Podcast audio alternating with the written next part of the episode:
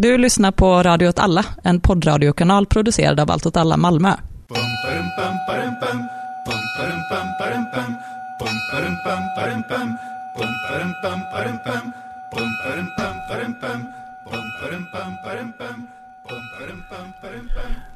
Eh, Hej och välkomna till ett eh, extrainsatt avsnitt av Eld och rörelse. Det låter väldigt seriöst att säga, säga så.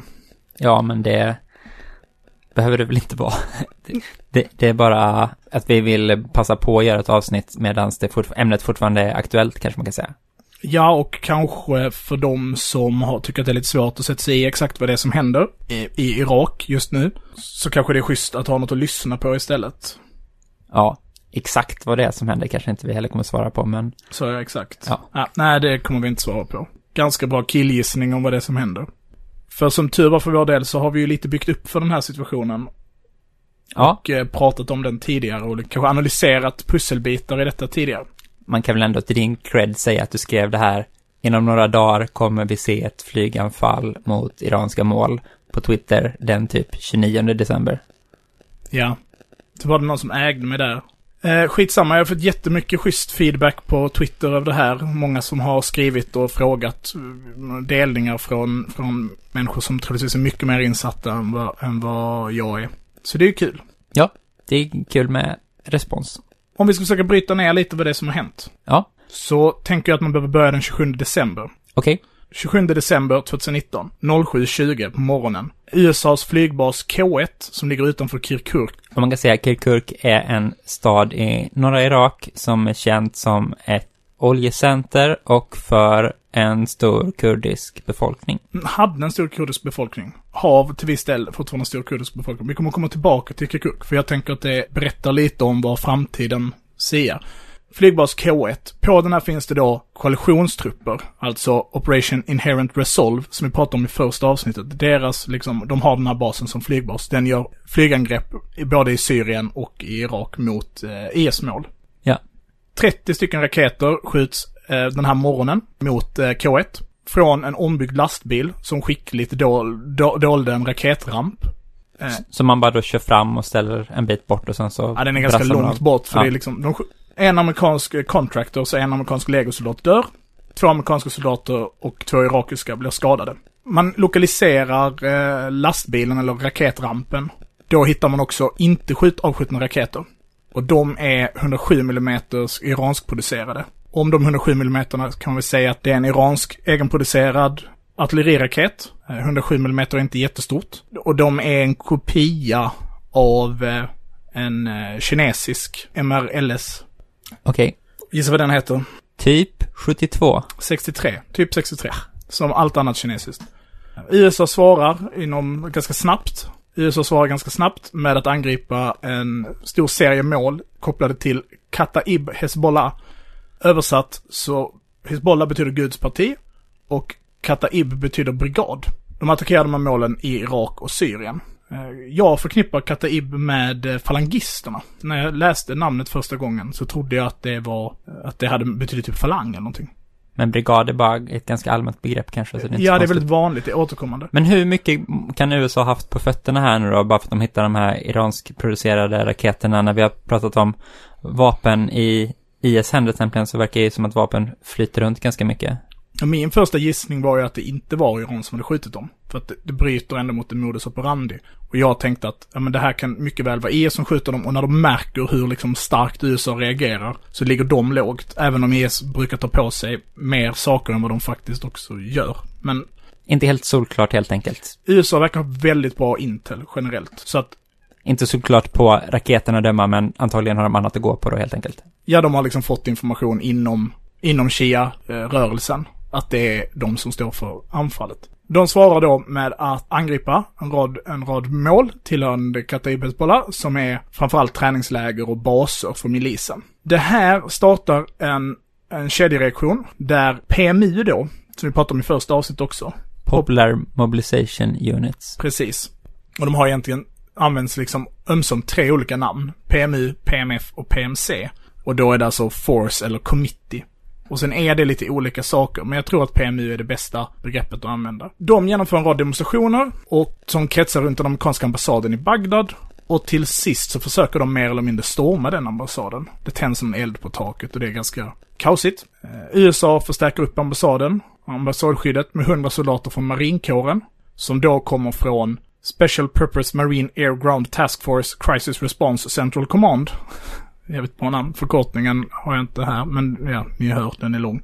De kommer från Kuwait och två stycken attackhelikopter 64 Apache från basen Tajiz som ligger fem mil ungefär från, från Bagdad. Den 31 december skickas marinkåren in. Är det så att liksom under liksom pågående ockupation så flyger de här helikoptrarna in liksom, eller Mm. hur är det? Ja, okej. Så de landar där och Ja, försöker och- rensa upp ja. liksom? Och, och jag, Ja. vet inte bra folk, jag vet inte hur bra koll folk har på den här händelseutvecklingen runt ambassaden, men det är lite Occupy-grej liksom som händer. Man, man kommer, alltså Occupy Wall Street, man kommer dit, det är massa demonstrationer, folk är väldigt upprörda, PMU är där, PMUs flaggor är där, och, och Kataib Hezbollahs flaggor är där, de är väldigt snarlika. Jag la upp en tweet om Att det var en ful flagga? Nej, Nej, det var en annan nej, det är en grupp. annan Ja. grupp. Jag la upp en tweet om att alla loggor ser likadana ut, typ. Ja. Men, De hänger utanför och börjar tälta och har med sig tält och storkök och så. Och jag sa vi ska vara kvar här fram tills, ja, ni går med på våra krav. Och vad de kraven är mer än att USA ska ut ur Irak vet jag faktiskt inte. Men men det är liksom ingen militärt anfall eller så, utan nej, det är en civil protest Precis, liksom. det är en ja. obeväpnad så. Men av en milis. Ja. USAs statssekreterare, Mike Pompeo, pekar ut en rad individer efter detta som ansvarar för den här attacken mot ambassaden. Personerna som pekas ut är Abu Mahid al-Mohandis och Qais Khazali, jag, jag ursäktar för namnen, som är, Qais Kasali är alltså ledare för någonting som heter Asib al-Haq, League of the Righteous, som är liksom en annan milis. Vidare pekar de ut PMU-befälet Hadi al-Amiri och ordförande för PMU, Fali al-Fayad, som ansvariga för attacken mot ambassaden. Liksom det är de här som pekas ut, det är de som har gjort, ligger bakom detta. Och det är alltså då milisbefäl, centrala personer i en rad olika kemiliser, PMUs ledare. Och kan man säga som fun fact, men Al-Amiri och Al-Fayyad var gäster i Vita huset under Obama. Ja. Och det hänger ju ihop med PMUs relation till Operation Inherent Resolve. De är med och bekämpar Isis jättemycket. Ja, och de spelar en central roll i bekämpandet av Isis. Natten den 3 januari, eller kvällen den 3 januari, så kommer en drönare. Kvällen den 3 januari skickar USA en MQ-9 Reaper-drönare beväpnad med en vad jag tror en AGM 114M Hellfire 2 och beskjuter en konvoj i närheten av Bagdads flygplats, bara några hundra meter från en amerikansk militärbas eller en amerikansk postering. Det huvudsakliga målet enligt USA för den här attacken är Soleimani, gissar Ja. jag att han uttalas, hans namn uttalas, som är ett översta befälet för det som heter Quds Force, som är typ CIA i den iranska armén, eller mer specifikt i den Islamiska revolutionära gardet. Som är liksom en separat del av Irans armé. Varför är det? Varför de är uppdelade, varför Irans armé är uppdelad i två delar? Är de liksom en reguljär och en religiös, eh, och de är mer dedicated då, de som är liksom i revolutionära gardet på något sätt? Man kan väl säga som att de har en, en allmän armédel och sen har de en, i princip en politisk eller en konstitutionsarmé, om man ska vara snäll. Som liksom finns till för att besvara, för att försvara även den ideologiska och religiösa inriktningen på staten. Är den gamla armén, är den kvar sen innan revolutionen? Ja, precis. Det är väl liksom den persiska armén. Så i namn och så. Jag tror att man också kan göra en uppdelning att liksom armén, den liksom iranska armén är till för att skydda Iran och det revolutionära gardet är i förlängningen deras liksom extroverta enheter. Även om det är svårt att säga så Ja. enkelt liksom. Men, men man ser till vilken beväpning och så som skiljer sig åt. Ehm, Är de inte också till lite för att hålla det politiska förtrycket igång i Jo, Iran då, jo, liksom? Ja, absolut. Att de även är som ett direkt skydd mot liksom eliten i Iran. För eliten i Iran. säger emot. Ja. Dumt av eliten i Iran. Om Soleimani kan man väl säga att han ganska upphasad, skulle jag säga. Inte, inte jämfört med mig kanske. Men, men eh, han tillskrivs väldigt stort inflytande och så har tillskrivs en väldigt viktig roll i Irans geopolitiska spel som pågår. Men kanske även internt i Iran att han tillskrivs den rollen, eller? Eller är det bara nu i media, tycker du, på senaste Nej men det är mycket möjligt att det även är så i Iran. Det är inte min, min, kanske min huvudpoäng utan om man ska stanna lite vid honom så är han, verkar han ju varit ett riktigt as. Han har varit inblandad i liksom i en rad övergrepp i Irak, Syrien och i Rojava eller då i eh, östra Kurdistan, i iranska Kurdistan. Inte minst det här upproret nu som var mot regimen bara för ett litet tag sedan nu där de släckte ner internet och dödade 1500 personer eller någonting. Kanske inte, jag vet inte ifall det var han, men där, det är ju samma, revolutionsgardet och så är väl de som är inblandade i, i det konkreta liksom. Absolut. Han, och även då i andra länder, alltså i, liksom, i Syrien och Irak och i Libanon, så har liksom hans agerande gjort att väldigt många människor som absolut inte förtjänar att dö har dött och progressiva människor har försvunnit och så. Så det tänker jag att man ska vara väldigt tydlig med när man pratar om det här. Att Iran är också ett jävla rövarpack liksom. Dock i väldigt mycket mindre skala än vad, vad USA är. Eftersom de inte är en världsmakt på samma ja, precis sätt. att det är möjlighet att vara lika stora rövar liksom. Nej, och det säger vi för att det finns en del respons på det här där människor i vänstern och så, liksom ryggradsmässigt säger att det här var ett hemskt mord och då antyder man lite att den som blev dödad var oskyldig liksom. Ja, det är spännande för det är den ena biten. Alltså bland annat så här, vad fan heter den amerikanska podden? Eh, Chapo Trap House. Chapo Trap House. Var det liksom bilder. Okej, okay, det var det. Ja, tyckte att den här ambasadattacken var jättebra. Ja. En ganska taktlös eller oinsatt bit. Om man inte förstår vilken roll PMU har spelat i dem antikorruptions och liksom jämlikhetsprotester som har skett i Irak de senaste månaderna. Ja. Så är det, ja, fast i de här, PMU, kommer ju till det sen, men PMU har ju spelat en central roll i att försöka kväsa den här, de här protesterna. Ja. Och jag har då mött på det andra, att när jag har kritiserat USAs, att när jag har kritiserat USAs agerande i den här frågan som otaktiskt eller ostrategiskt, så har jag fått svar framför allt av kurdiska följare som menar att det här var helt rätt gjort av USA. Ja. Bara för att han var ett sånt svin.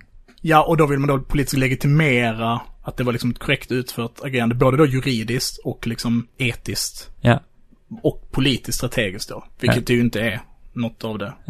Det här är väl liksom ganska grundläggande saker att kunna hålla de här sakerna i huvudet samtidigt för att annars så framstår man som en idiot liksom. Mm. Om man inte klarar av att tänka att Soleimani förtjänar att dö om- om jag är någon att utdela dödsdomar. Jag gråter inga tårar över honom. Men konsekvenserna av mordet på honom, eller attacken på honom, kommer få. Eller riskerar att få i alla fall. Jag är ändå beredd på att sätta Ja, ganska mycket mm. pengar på Ja. det här. Ja, okej. Vi gör betsen efter programmet. Soleimani är sj- överste befäl över, han är befälet över Quds Force. Som är, ja, det är liksom CIA, det är liksom en politisk militär struktur som finns till för att bygga upp motståndsaxeln eller liksom resistance axis för att skydda Iran från angrepp av, från väst. Kan man väl göra det väldigt enkelt för sig, säga så. I det här arbetet så har ju det handlat om att liksom lägga ut långsiktiga strategier för det man skulle säga då proxy eller liksom kemiliser eller politiska Iranvänliga rörelser i andra länder. Och där har han liksom haft ansvar då för deras strategi, träning och finansiering. Och de länderna vi pratar om är liksom Libanon, Syrien, Irak, Palestina och Jemen. Och när man pratar om shiiter och sunni-muslimer så kanske man ska säga att Iran är det landet som har störst andel shiiter och sen så är det väl Irak, Libanon och sen så är det ett så här 10-15 procent i ett gäng länder, bland annat Syrien. Ja, och Om Jemen är lite, fall, ja, ja. och Jemen är lite komplicerat. För Houthi-rebellerna i Jemen, på ett sätt är de Shia, men de är egentligen en egen inriktning. Ja. Men vi är inga teologer, Nej. eller islamologer. Quds är liksom en otroligt viktig del för Iran, eftersom att de saknar statsallierade. Ja. Så de behöver liksom skapa de här icke statsmässiga allierade. Det är ganska logiskt om man tänker Ja. på det, men de behöver bygga upp de här rörelserna för de behöver, Allierade utanför Iran. ja, Ja. Och, då, och då, det är det Quds Force har gjort, verkar för de här intressena. Genom hybridkrigsföring, liksom. Ja. Delvis. Men, men också bara liksom rent, även om Quds Force då har haft en militär, en militär del av det. Han har blivit jävligt upphasad.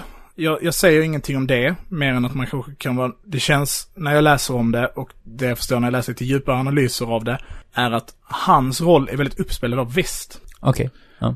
Väst behöver liksom namn och ansikten och det är väldigt lätt att tänka sig att det är den här individen och det är ett klassiskt borgerligt sätt att se på krig återigen. Liksom att det är den här enskilda individen. Mannen var rätt gammal. Alltså, han var ju några år från pension.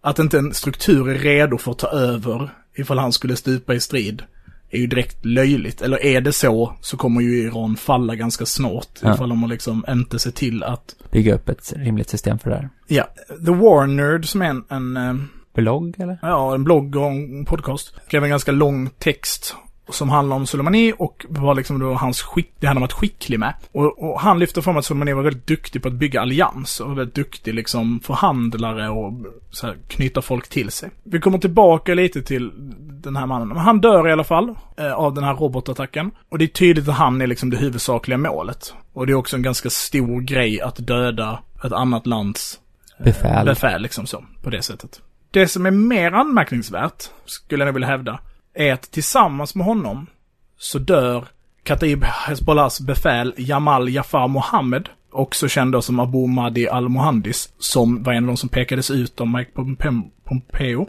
Ja. Eh, Så då tänker man sig att, inte bara råkade, att han inte bara råkade vara i bilen utan de är medvetet skjuter ut båda samtidigt. Ja, precis. Mohandis då, eller Al-Mohandis, han eh, har en lång historia av, eh, av, av militärt motstånd mot, eh, i regionen. Han är alltså veteran från kriget mot Saddam. Ja, okej. Så, så att han har liksom en lång historia. Och när USA invaderade 2003 så deltar han liksom i mot, motståndet mot den amerikanska ockupationen då. Så han klarar sig igenom allt det här. Det är lite oklart exakt vilka mer det är som har dött. Jag vet att man identifierar Soleimani på en ring. Okej. Om man, man ser robotattacken så är det uppenbart, för jag tror att det är en Hellfire 2M då, 114 M Ja. är för att det brinner väldigt mycket. Så jag tror att det är deras eh, termiska robot de skickar.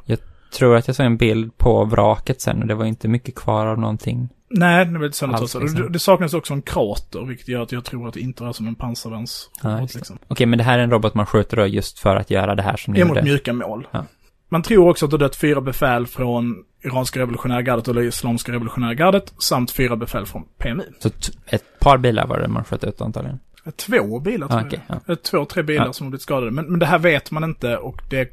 Vissa har gått ut och sagt det var mycket rykten om att det var olika söner och så som skulle ha dött till viktiga personer. Men, men det har motbevisats. Lite om PMI då. Vi kan ta det igen. Mm. Men PMI, PMF och PMC då, de här olika namnen, fast de är lite olika saker så är det den här strukturen. Det är en paraplyorganisation. Som är egentligen en sammanslagning med en rad olika miliser detta sker 2014. Jättemånga olika miliser väl? Ja, men till en början så bestod det nästan uteslutande av kemiliser. Ja. Som Mahdi Army, som jag tror också heter typ fredskompanierna. Badr Brigade och Kataib Hezbollah var väldigt, kom tidigt in i, i eh, PMU. Hur det funkar de? Eh, Har de ofta liksom en eh, religiös ledare som liksom vouchar för att man ska gå med i dem eller hur liksom? Just för att de har så här religiösa namn och sådana saker tänker jag. Det är en bra fråga, det vet jag inte riktigt. Man kan däremot prata om att det finns tre olika fraktioner inom Okej. inom Shia-strömningen då till exempel. Och det blir viktigt för att lite tillbaka till varför Soleimani inte är världens geni. Eller så, om man ska ta lite kritik mot, mot hans insats då. eh, Från min position då. Mahdi Army, Badr Brigade och Kataib Hezbollah. De här grupper som har varit aktiva under Saddam som en motståndsrörelse och sen som en motståndsrörelse mot USAs ockupation. Ja. Så alla Shia-miliser i PMU följer inte Khamenei. Nej, okej. Utan de som faktiskt grundar PMU Ja. är folk som följer ayatollan Sistani. Och det är liksom han som någonstans lägger grunden för PMU Var finns han? i Irak. Ja. Och han gör detta utan Iran. Ja. Tidigt så, så sysslade PMU bland annat med att skydda liksom kemuslimska eh, heliga platser och så. Och de regionerna är mycket, mycket kemiskt, framförallt då i nordvästra Irak. Mycket tjejmuslimsk befolkning menar du? Jag sa det. att de, miliserna skyddade de områden med mycket miliser det kändes ju Nej, lite, det är dumt. ja, onödigt kanske. Det kanske hänger ihop Ja, också. ja. Skyddade områden, ja. Så Soleimani tappar ju lite den här bollen. Mm, Alltså, någon annan är snabbare och, och lyckas skapa den här strukturen som ju är genial. ja. För att om vi går in sen och tittar på liksom hur Iran har verkat så är det ju tydligt att det finns liksom ett mönster så här. Man går in i, i stater som är under väldigt dåligt skick. Där det råder stor liksom oro och brist på, på in, social infrastruktur och välfärd liksom. Och så bygger man upp en struktur i den. Ja. Eh, Med ena sidan liksom ett politiskt parti och andra sidan en, en, en militär gren. Ja. Och Hizbollah i Libanon är väl liksom det bästa exemplet på det här. På att göra detta jätteskickligt. Soleimani kom, är alltså aktuell långt eh, efter Libanon, Hizbollah. Liksom, utan han är, alltså jag tror det är så 2004 eller 2003 någonstans där. Som bra. Det är först runt 2003 som Soleimani blir liksom en tydlig aktör. Ja. Och först då kampen i Irak mot Saddams styre som har haft lång tid på sig att bygga upp en, liksom en fungerande motståndsrörelsestruktur med stort förakt mot centralmakten. Du Men- tänker på detta rent liksom ur ett upprorsperspektiv. Ja. Men hur, hur funkar det? Jag minns det här dåligt. Fanns det liksom väldigt öppna aktiva griller mot, som kämpade mot Saddam? Eller var det mer liksom en proteströrelse då, eller hur? Ja, alltså både en proteströrelse men också liksom en religiös och un, liksom en underjordisk eh, stat i staten. Okej. Eh, under Saddams. Och sen slog ju Saddam ner stenhårt på det här. Ja. Men man har liksom först det, man är, man, Shia-befolkningen är majoritet i Irak. Eh, 60-40 eller något sånt är väl Ja, siffrorna där. precis. Ja. Man är, men man är majoritet. Majoritet, men inte en helt extremt stor majoritet. Precis. Man har en, en, ett minoritetsfolk då, eller minoritetsreligiös inriktning, som styr landet. Och det är sunnimuslimer. Och det är sunnimuslimer. Och man har den här tiden och lång tid att bygga upp den här strukturen. Amerikanska invasionen sker. Det blir ett jättehårt slag mot den tidigare regerande eliten. Ja. Man har Iran som backar upp en. Irak står väldigt ensamma när det här händer. Medan Shia-grupperna har ett Iran som kan understödja dem. Förutsättningen att bygga en väldigt kraftig motståndsrörelse är väldigt tydlig liksom.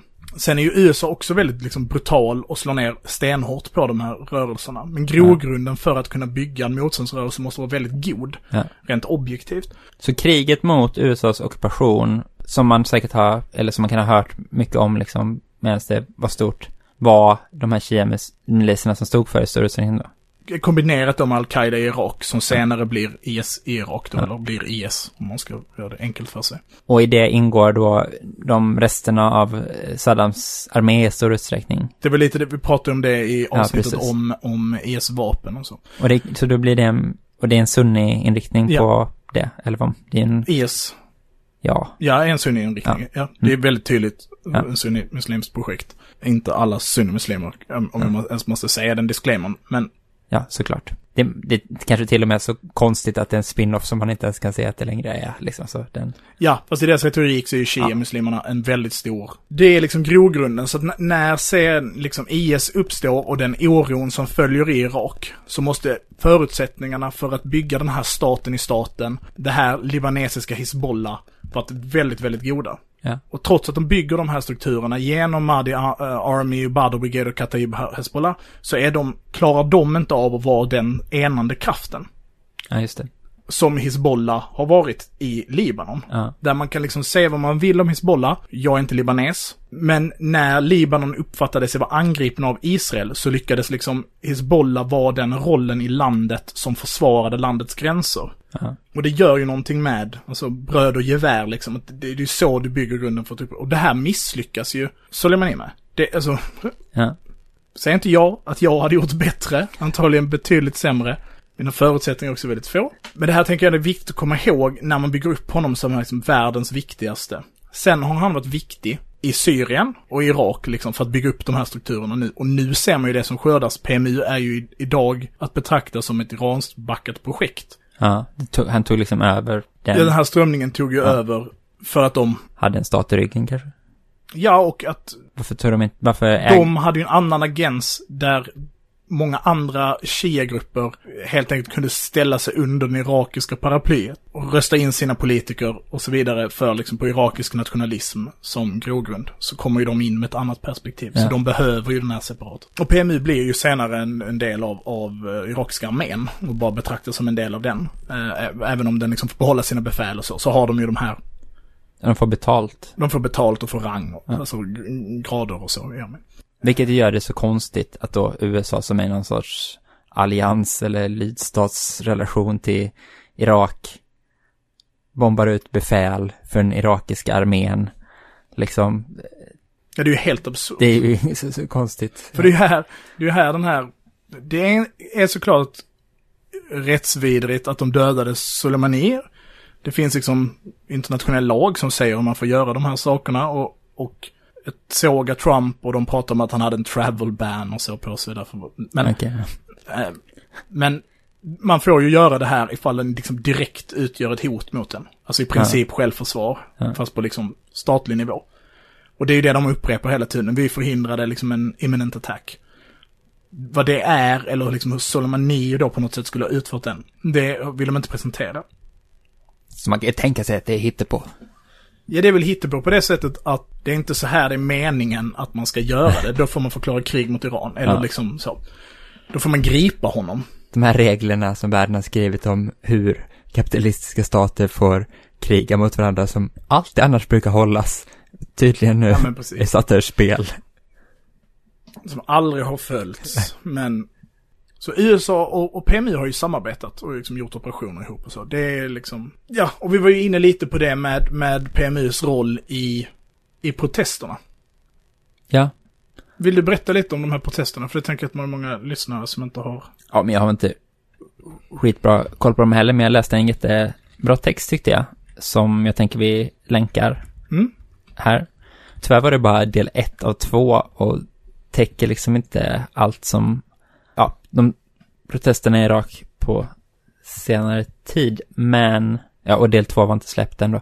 Men jag tyckte den var jättebra för att den på något sätt pekar på grunden till det här, hur liksom, ja, när USAs invasion eh, slår sönder den irakiska staten och sen hur liksom kriget mot IS bara mal sönder stora delar av Irak också och infrastruktur och industrin och så och att eh, det finns inga jobb längre. Vad gör man då som unga liksom arbetslösa män? Jo, att gå med i PMU blir ett sätt att få försörjning och att det liksom institutionaliserar hela det här systemet då liksom att eh, den irakiska staten får sina oljeinkomster och så och sen så betalas de ut direkt i lön till anställda i miliserna istället för att det finns en fungerande liksom Välfärd. ja, välfärd och fungerande civil liksom eh, näringsliv eller sånt heller som det brukar finnas i andra stater. Men också hur, i ett ännu större perspektiv man kan se hur det har att göra med liksom hur Iraks eh, sydliga delar som förr har varit väldigt bördiga och så drabbas av liksom den stora miljöförstöring som krig innebär och liksom när statens infrastruktur fallerar, hur avloppssystem och sånt bryter ihop och liksom vattenkällor förgiftas och även att havsnivåhöjning verkar ha fått att det liksom blandas in saltvatten i bevattningssystemen och sådana saker. Och så klimatförändringarna liksom. Och så tänker man på att Irak eh, är ju en extremt stor oljeproducent Mm. liksom, eller en stor oljeproducent i alla fall. Och så, jag bara tycker det är så, det ger ett så intressant perspektiv bara på den här idén om hur den gröna kapitalismen ska lösa världens Mm. problem liksom.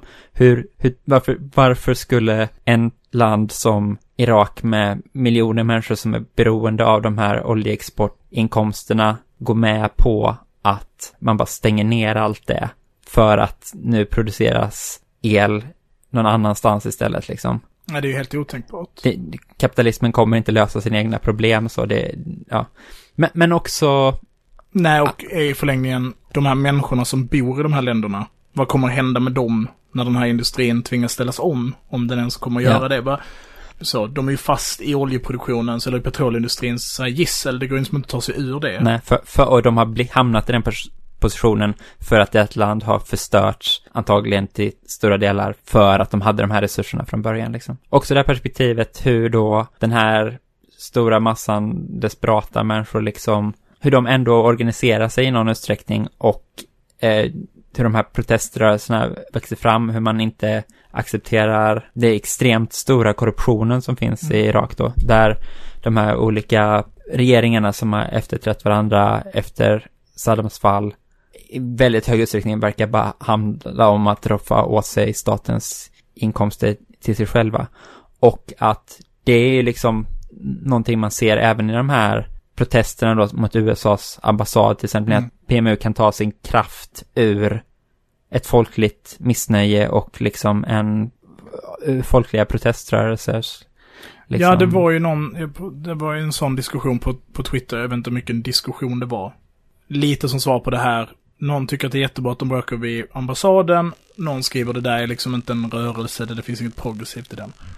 Så enkel är ju inte världen. Nej, utan precis. de här sakerna är ju ihopflätade med varandra. Att som ung man i PMU så är det inte så konstigt att suveränitet, ut med jänkarna, visst vi kan väl närma oss Iran, vi kan leva rättroget, det här landet kan fungera ifall vi får ut korruptionen, blir folk rättrogna ifall folk följer liksom islams läror, vilket är ju liksom militärjuntors huvudsakliga argument är ju oftast antikorruption liksom. Politiker är korrupta, ja. militärer reda. Ordning och reda. Ja, precis. Ja. Så de här sakerna är ju liksom uttryck för, kan man prata om liksom urbant landsbygd och så också? Att... Ja, det gjorde de inte riktigt i den här artikeln, men de hade en intressant perspektiv som är hur det är skillnad på Basra och Bagdad på något mm. sätt. Och Basra som är en sydligare och tidigare starkare industriort tror jag, men också att hela det området där har ju varit en stark jordbruksområde och så. Och att det på något sätt, att upproren där är mer anti-system, anti alltså där, där är också slagord som ut med iranierna liksom. Mm, mm. Ut med PMU liksom, för att de är också förtryckare, de vill bara göra om den här skiten, det är vi mot överheten liksom mm. den. Och att det också har funnits en starkare marxistisk tradition i Basra mm. som industriort. industriort ja, precis. Eh, bakåt i tiden, som väl på något sätt då har slått sönder utav Saddam och så, men att de sociala idealen lever ju på något sätt vidare och att där också då har ju olika tjejrörelser försökt att inkorporera det just med liksom, mm. men vi är den sociala kraften istället, precis som vi har pratat om nu då med, med den iranska strategin på något sätt liksom. Men att det, det är ändå en skillnad att mm. de upprören också med kraftiga och framgångsrika där än i Bagdad där det mer följer liksom partilinjer då, de olika fraktionerna och därför kan det aldrig riktigt enas och bli lika kraftfulla protester på något sätt. Ja, så det här avsnittet kommer inte liksom, kommer inte kunna djupdyka så jättemycket i olika saker. Så jag tänker att vi går vidare och försöker liksom Absolut. bena ut lite. Så de här protesterna sker, de sker parallellt. Det finns liksom en stor, stor så post-IS, även om IS i Irak har revitaliserats den senaste tiden. Mycket på grund av Turkiets ingång i Syrien så har liksom IS fått lite men det är också den här grejen att ja, landet går på röven jättemycket och sen så kommer IS och då är så, okej okay, då får vi sluta protestera och så bara enar man sig mot det här och sen så när IS försvinner, då ska allting bli bra igen. Ja, men, precis, men så blir det inte, det bara, bara korruptionen bara fortsätter, ja. liksom, allting blir värre och nu är allting helt söndermalt Och nu har de här liksom krigsherrarna eller milisledarna har också ja. blivit liksom Ja, precis blivit deputized på något sätt som man skulle ja, prata om i USA. Att de, nu, nu är de officiella helt plötsligt, ja. nu är de del av staten. Ja. Om vi då tittar på Trump, varför han gör det här, så tänker jag att det finns eh, liksom tre centrala anledningar till hans agerande. Och om man bara ska liksom hugga av den första. Det är så här USA tror att man bekämpar uppror. Alltså ja. bara så att Trump må vara en idiot, men det här, det är så här USA gör. Det är deras doktrin, allmänhet. Ja. Så att Red Line har korsats, alltså Eh, såg en annan diskussion på Twitter där folk pratade liksom om USAs intentioner med saker så här. De är inte monster som sitter och hittar på onda planer. Utan de har ju också sett att resonera och försöka liksom vitmåla sina ageranden och de är nog sanna för dem. Alltså bara, ja. förstår mm. du vad jag är ute efter i det här att... De sitter inte och gnuggar sina händer och Nej. säger ha ha ha, hur ska vi förstöra världen så mycket vi kan? Utan i deras värld så är det här en red line. Någon har attackerat, en amerikansk medborgare har dött. Nu är vår ambassad hotad. Vi svarar på det. Bråkar man med oss så dör man. Mm. Det är liksom det. Och, så, och den är inte helt ologisk. Nej. Så, bara, då är det sagt. Det är en av anledningarna. Så finns det Wag the Dog-grejen. Du känner till fenomenet. Det är en film som heter det. Det är väl också ett uttryck från början tror jag. Jag vet inte om filmen Men, uttryck. Eh, istället för att hunden skakar på svansen så skakar svansen på hunden. Det är inte det. Det är inte det. alls det. Har det ingenting med svansen att göra? Vi struntar i det. Ja. Vi struntar i svansen. Man startar krig, folk fokuserar på det istället för på riksrätt till exempel. Eller det, det är val. Man gör detta för att sätta fokus på någonting annat. Man startar krig för att vinna val. Det är ju roligt då, men det finns ju den här nya internetregeln är att Trump, varje gång Trump säger någonting så har han sagt motsatsen vid ett annat tillfälle. Så han ja. anklagade ju Obama för att Obama skulle starta krig mot Iran. För att kunna bli omvald. Ja. Så året före det kommer vara presidentval så kommer Obama säkert starta ett krig mot Iran. Precis. Okej, okay, nu har vi sagt det. Det är möjligt att det är som grunden. Saudiarabien vill väldigt gärna att Iran ska sluta verka i regionen. Iran och Saudi är liksom huvudmotståndarna här. Och representerar då i sin liksom extrem då med Saudi, med salafismen och wahhabismens liksom framväxt. Och de i sin tur har en ganska liknande utrikespolitik. Där man liksom stödjer olika salafister i olika länder. Libyen bland annat, finns det liksom, och Syrien och så. Och, nu stödjer, och, och deras kopplingar till IS och till Al-Qaida och liksom. Det är väl belagda, ja. Ja. Så det, man gör detta för att man helt enkelt vill blidka Saudiarabien, men man visar Saudiarabien. Och varför vill man blidka Saudiarabien? För att de har jättemycket olja och en militär allierad Mm. i Mellanöstern. Det är en militär allierad, de har jättemycket olja, de är en viktig spelare i liksom petrolindustrin och viktig spelare geopolitiskt i regionen. Och man har varit allierad länge också. Ja, man har en lång historia med, med kungahuset Saudi. Jag tror att den huvudsakliga anledningen till att detta hände är Benghazi-händelserna 2012. Ja. Kommer man ihåg dem? Jag vet inte, kommer du ihåg Benghazi-händelserna 2012? Nej, inte, inte jättemycket. Det är, ja det är ju att USAs ambassad blir stormad och deras ambassadör blir dödad väl? Ja, men precis. Och det är någon, vad är det för grupp som gör det? Jag vet inte. Det är liksom en, det här kommer inte bli ett avsnitt om Benghazi 2012. Men det är en islamistgrupp som stormar. De dödar ambassadören, de dödar eh, lite ambassadpersonal och en del liksom försvarsstyrkor. Och det är liksom inte riktigt en ambassad i Benghazi utan det är så här förambassad och det ligger liksom ett CIA-kontor en bit där bort, eller CIA-compound då, en liten bit bort. De går in och dödar. Och Benghazi-händelsen i Libyen, ligger Benghazi för övrigt, och idag en väldigt viktig stad på grund av det som hände i Libyen, ett annat sidospår, är att republikanerna använder Benghazi-händelsen mot Obama, men framför allt mot Hillary, som är Som utrikesminister då ja. utrikesminister. Och man, man drar igång en skitstor utredning om Benghazi-händelserna och man menar att den hade kunnat förhindras och man hade agerat på olika sätt och man menar att de har sökt dölja. Den är väldigt aggressiv och, och så. Det är någonting med mail också eller något sånt här, att de har, är det inte det? Jo, återigen, vi ska inte liksom gå in i. Benghazi-händelsen i detaljer. Men det används jättemycket som ett politiskt slagträ mot eh, Demokraterna. En av de som leder kommittén för att, från Republikanerna som kontrollerar eh, The House då, Representanthuset. representanthuset, som, en av Republikanerna som leder kommittén från representanthuset om utredningen av Benghazi som ju bara är en så, ja men det är deras motsvarighet till Trumps riksrättsgrej. Ja. Nu ska vi försöka sätta dem här på det. Republikanerna har väl också majoritet i representanthuset då. Eh, Säkert. han blir senare liksom top advisor till Trump och så. Och Trump kritiserar Hillary för Benghazi-grejen. Så det liksom används i deras valkampanj. Mot Hillary. Ja. Deras, under deras valrörelse så används Benghazi-händelserna. Så att det finns ju mycket saker som liknar Benghazi-händelserna. När någon eventuellt håller på att storma amerikanska ambassaden i Bagdad. Och ifall någon skulle gå in där, storma ambassaden och döda ambassadören där, då skulle man kunna säga du misslyckades med det du sa att Hillary var sämst för att hon hade misslyckats med. Alltså du är också sämst. Ja, så Benghazi-händelserna tror jag är väldigt central i liksom det politiska spelet i USA, i den valrörelse som är på G. Det är väldigt viktigt. Sen samspelar ju de här, alla de här faktorerna, så inklusive faktorn att det är så här USA bedriver counterinsurgency. Och det är ju såklart inte helt ineffektivt. Någon effekt har det. Ja, och på vissa sätt, just i det här fallet tror jag att det var väldigt dumt. Men man kan se situationer där, där det här är jättebra. Till exempel att, liksom, att de tog Osama bin Laden långt efter att han liksom hade spelat ut sin roll. Ja. är En- såklart en moraliskt viktig för en motståndsrörelse. Tanken på, shit, de kunde ta honom. Blir du ledare så... Mm. det Till slut så kommer roll, de efter dig liksom. ja. Och det är såklart att det måste ha en jätteviktig psykologisk roll. Ja. Det finns en del frågetecken i den här händelsen som jag reagerar på. Bland annat då har jag skrivit om det här på Twitter. Jag tycker det är väldigt konstigt att den här gruppen människor åker i bilar så pass nära varandra. Ja. Det, det är udda. Det är också udda att de gör det i Bagdad. När den amerikanska militärbasen. Ja, det talar ju för hur säkert man har kunnat röra sig i regionen. Mm, men det är inte jättekonstigt ifall man tänker att PMU är en del av den irakiska armén. Och då är han en gäst från Iran som är inbjuden av representanter för den irakiska armén. Då är det ju inte liksom... Han kom väl från Syrien.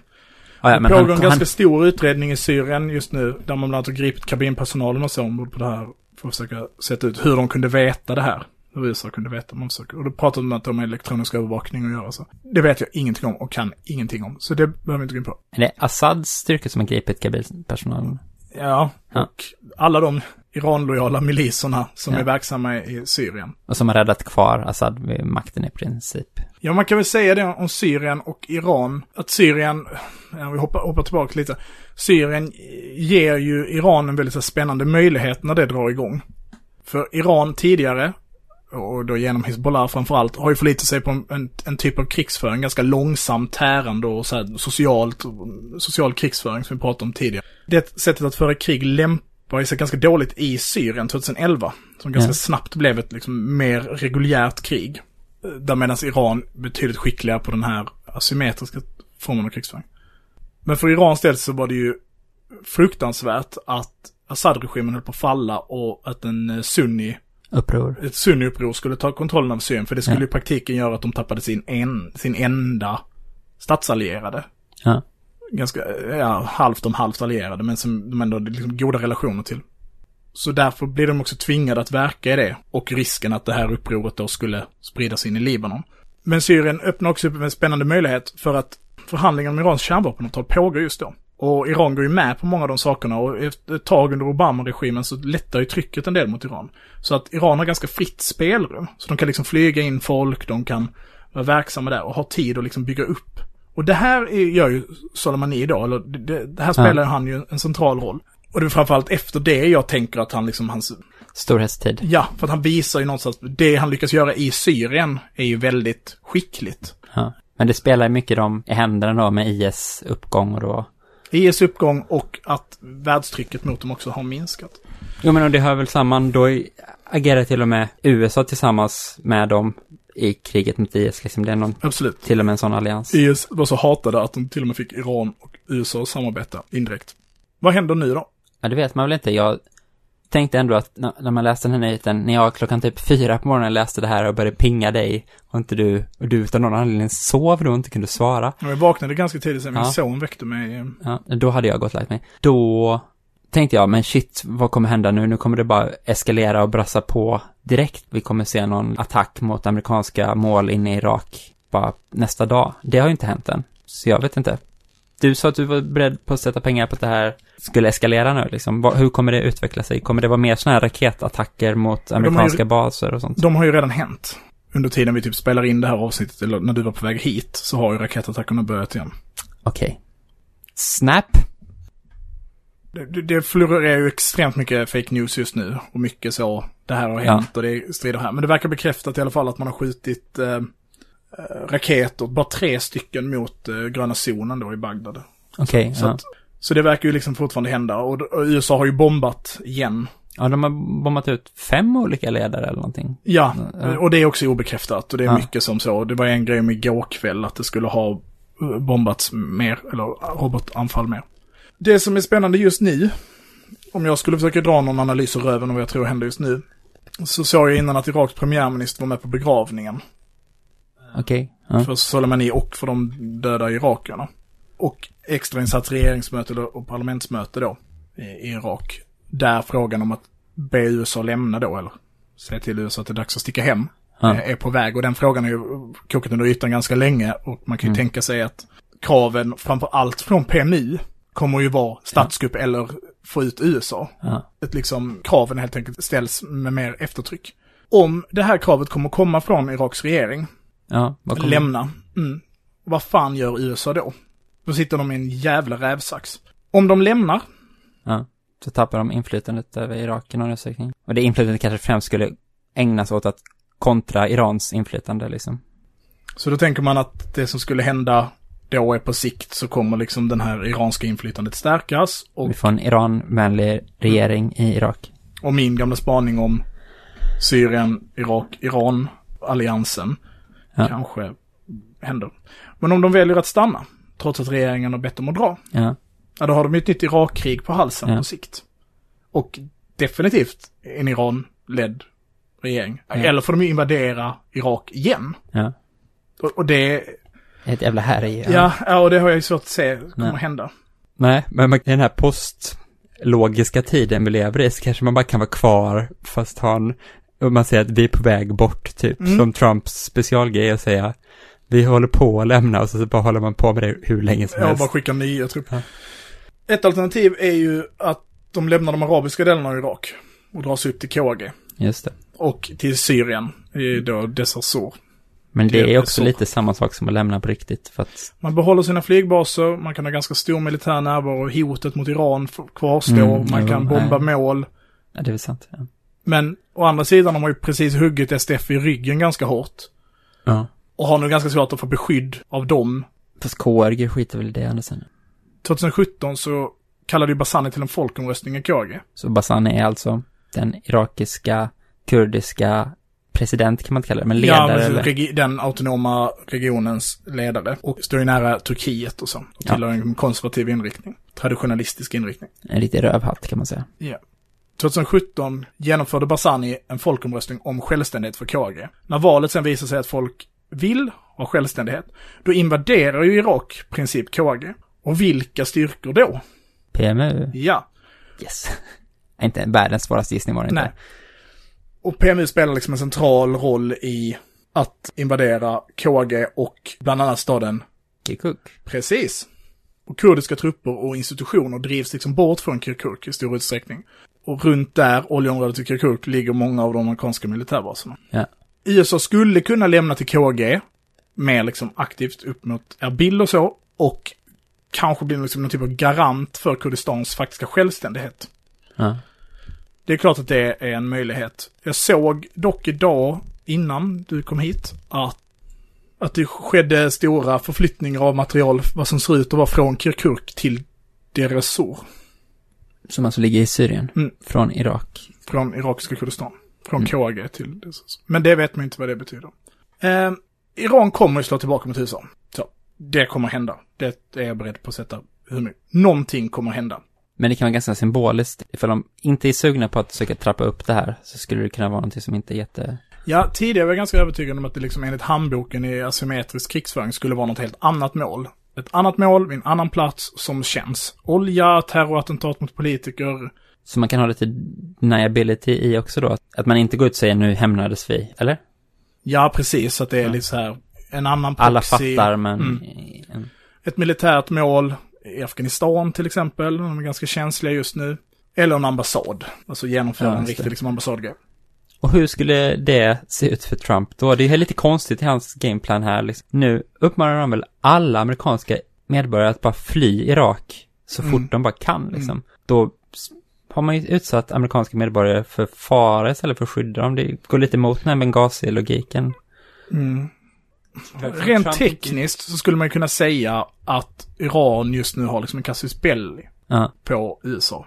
Men Iran vill inte starta ett krig med USA. Inget land i världen vill starta ett krig med Nej. USA. Men så här förutspår jag att de kommer vilja Ja. göra. Eller jag tänker att de har två val. Det ena är någonting som spelar under nivån där USA är tvungna till att intervenera militärt. Ett terrorattentat, och oljeindustri, någonting som är så här, ja okej det här räcker. Nej. Eller så väljer de att använda sin belli, eller de väljer helt enkelt att säga, nu ska vi ha en militär konflikt med varandra. Ja. För ni har gjort en handling som är definierat att ni har förklarat krig mot oss. Innan jag såg att de hade höjt en röd flagga över Jamkara-moskén så tänkte jag, det kommer att bli något asymmetriskt. För att krigsskramlet från Iran har inte varit så stort som föranleder Nej. ett krig liksom. Men det här är en ganska symbolisk handling. Det är första gången liksom, Men jag har helt missat det här. Vad, röd flagga? va? ja den röda flaggan som ska då enligt mina googlingar representera liksom a coming great battle. Okej. Och det är första gången det har hänt, så att det är liksom väldigt så här, tydligt symbolspråk man trummar ju uppenbart upp liksom inför någon typ av militär sammandrabbning. Och Iran kan ju göra mycket saker. De kan liksom stänga viktiga fartleder, Omanbukten, Adenviken, börja sänka skepp helt enkelt. Och i den här liksom riktiga krigsförklaringen kunde man använda sin rätt ansenliga liksom ansamling av ballistiska robotar, de attackerar amerikanska baser i, i Mellanöstern Ja. och i Israel förlängningen. Jag tror att om Iran väljer en eskalering så måste de göra det till en ganska begränsad konflikt. Ja. Och jag tror inte de kan vara den uppenbara initiativtagaren till en sådan konflikt. Hade jag varit Iran så hade jag velat göra någonting som gör att USA är tvungna till att slå mot dem igen. Ja. Och då svara. Ja. Hade jag varit Iran så hade jag börjat anrika uran igen. Just det.